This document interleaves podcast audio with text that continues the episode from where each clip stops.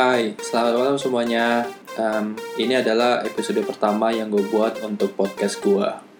Dan sebenarnya gue sanksi sih bisa bercerita karena gue bukan tipe orang yang suka bercerita panjang.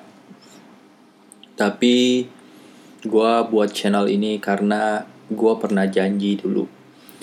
Uh, suatu saat nanti gue pingin bisa berbagi cerita tentang pengalaman gue selama ini, terutama dalam menggapai mimpi-mimpi yang gue yang gue punya dari kecil hingga saat ini. Tapi gue yakin di luar sana masih banyak yang ceritanya lebih menarik dan lebih menginspirasi daripada cerita gue ini. Terus nama podcast gue itu Bedtime Stories by The Ruli. Kenapa gue kasih namanya Bedtime Stories?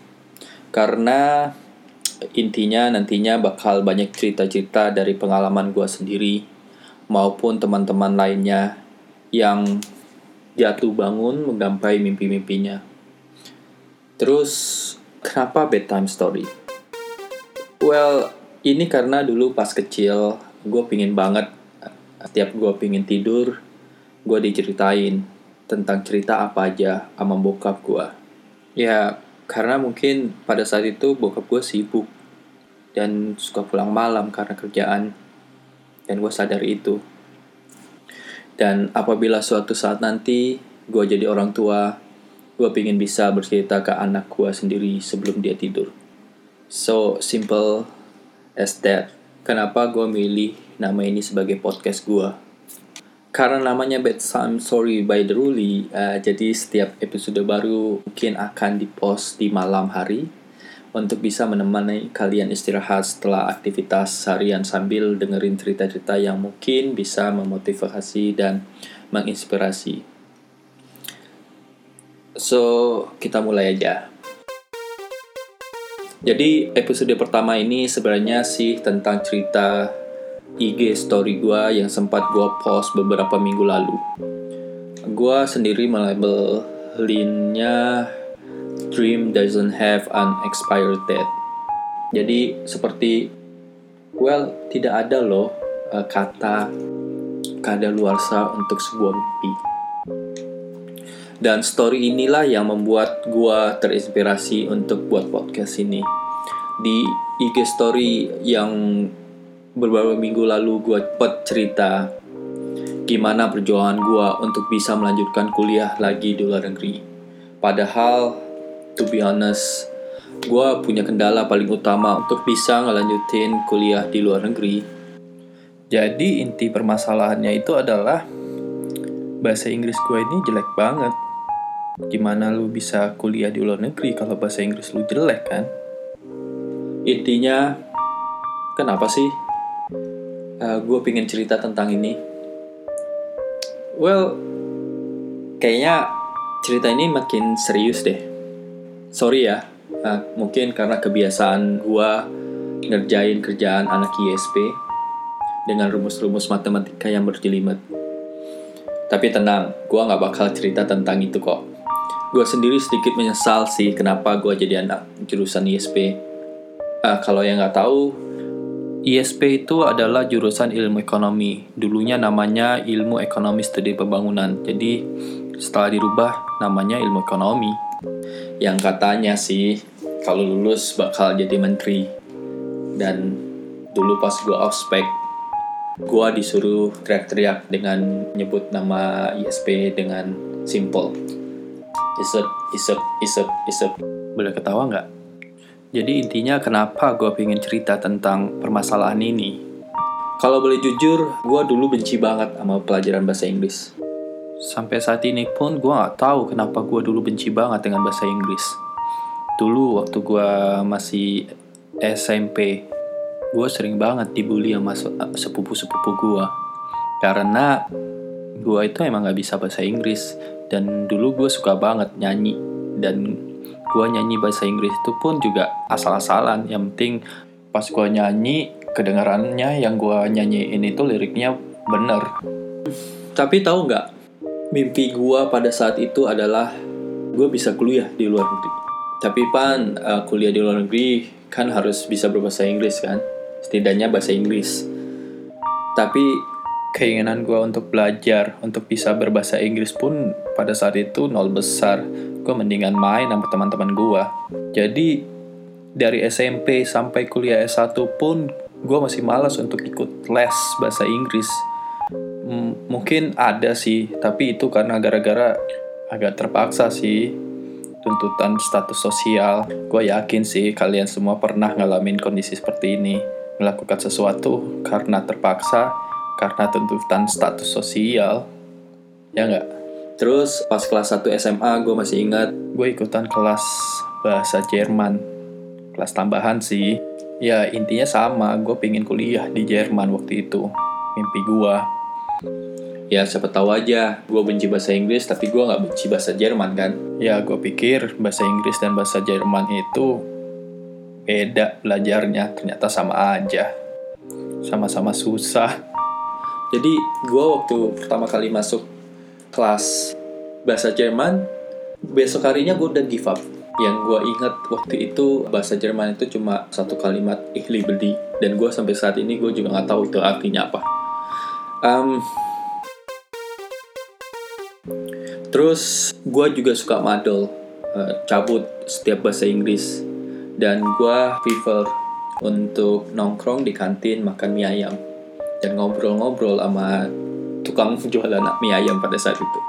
Dan pas gue SMA, gue menyesal pernah bikin guru bahasa Inggris gue itu nangis di dalam kelas. Dan juga sampai akhirnya guru bahasa Inggris gue nggak mau ngajarin gue. Yang ini nggak usah ditiru ya, gak baik. Terus waktu SMA itu gue pinter banget, maksudnya bukan pinter dalam hal belajar, tapi karena gue tahu kelemahan gue berbahasa Inggris, jadi gue coba untuk mencari teman duduk yang jago berbahasa Inggris. Dan gue melakukan barter karena gue suka hitung-hitungan. Jadi barter gue adalah lo ngerjain bahasa Inggris pas ulangan kasih tahu ke gue gue ngerjain hitung-hitungan gue kasih tahu ke lo itu yang gue bilang gue pinter. Karena menurut gue setiap orang itu pasti ada kelebihan dan kekurangannya. Mungkin kekurangan gue waktu itu bahasa Inggris. Ya nggak usah ditiru juga ini cara gue jadi itu hal-hal yang membuat gue miris waktu zaman gue SMA terus tapi ada hal lain di dalam uh, diri gue ketika gue mau naik kelas 3 pas penjurusan gue malah milih kelas bahasa instead of kelas IPA or IPS waktu zaman itu karena mungkin ada sebagian dari diri gue itu sendiri mengatakan bahwa belajar bahasa itu lebih penting, apalagi gue punya mimpi untuk bisa kuliah di luar. Itu mimpi gue. Tapi apa daya, pamor kelas IPA itu lebih tinggi pengaruhnya di dalam hidup orang tua waktu zaman itu. Gue dipaksa masuk kelas IPA, tapi nilai gue nggak sanggup buat masuk IPA. Jadilah gue masuk IPS ini awal kenapa gue jadi masuk jurusan ISP. Eh, kenapa gue cerita tentang masa-masa SMA ini? Jadi intinya sebenarnya gue pengen bilang bahwa gue itu sangat-sangat menghindari yang namanya pelajaran bahasa Inggris. Tapi gue punya mimpi untuk bisa uh, kuliah di luar negeri. Ya minimal lu harus bisa bahasa Inggris kan untuk bisa kuliah di luar negeri. Terus pas zaman kuliah, gue tetap tidak berubah. Gue mencoba untuk menghindari kelas bahasa Inggris. Tapi karena mata kuliah bahasa Inggris itu adalah wajib, jadi gue mau tidak mau harus ngambil mata kuliah itu. Dan nilai paling tinggi waktu gue kuliah S1 waktu saat itu itu adalah C. Dan itu juga udah ikut kelas perbaikan. Jadi bayangin aja gimana jeleknya bahasa Inggris gue waktu itu.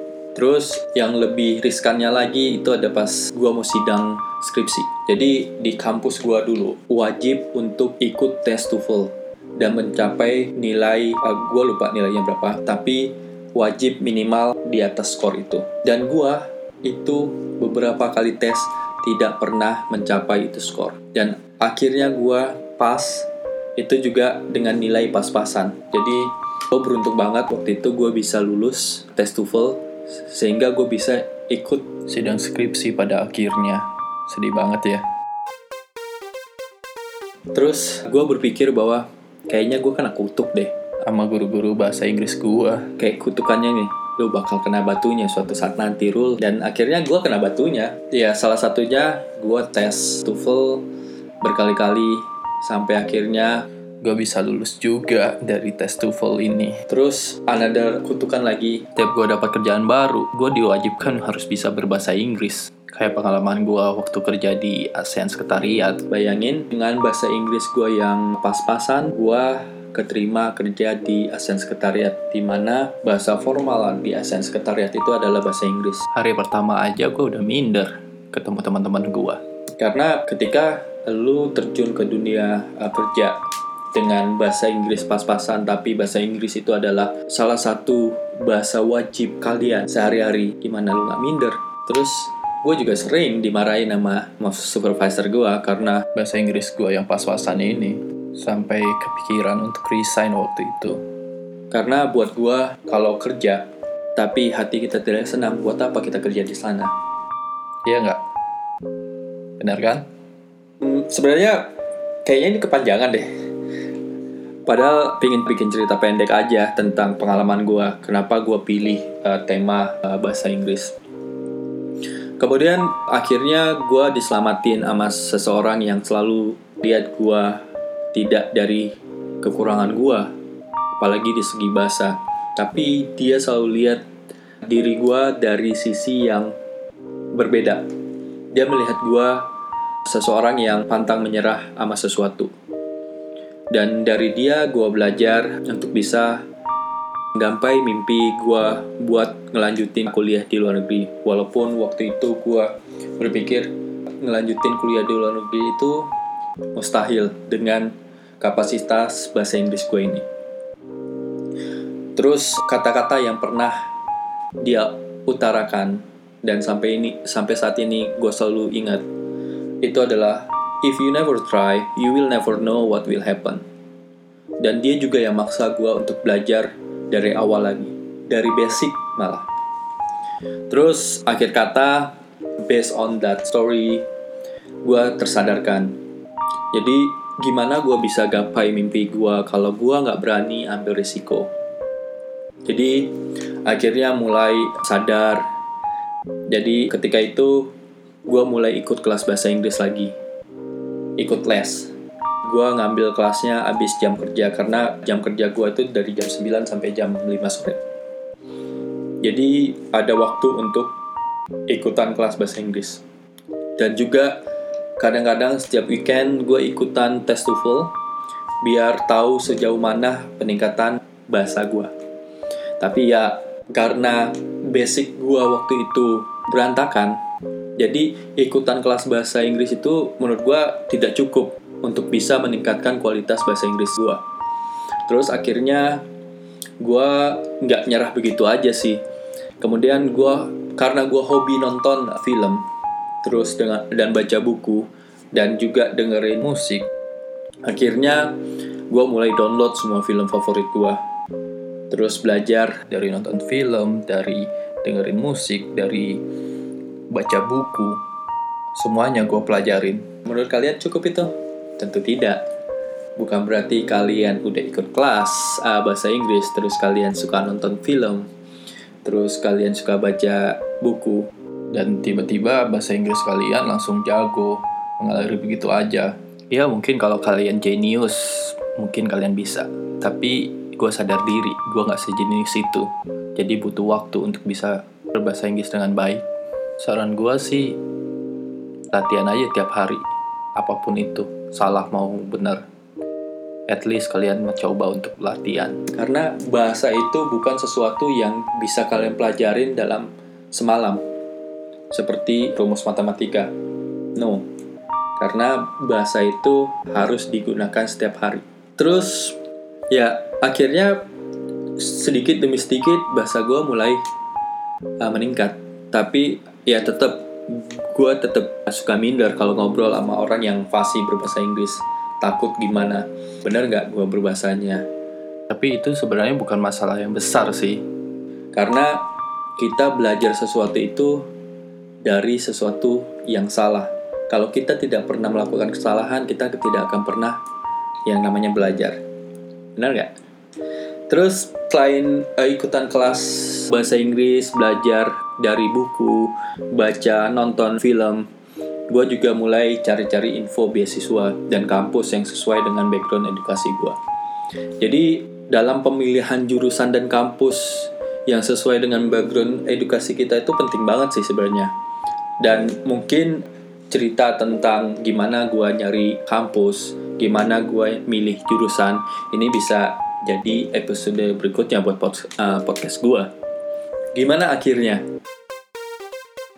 Jadi akhir dari cerita perjuangan gue belajar bahasa Inggris, jadi intinya lu bayangin, lu belajar bahasa Inggris dari basic yang seharusnya lu belajar ketika kalau zaman gua dulu mulai belajar bahasa Inggris itu SMP.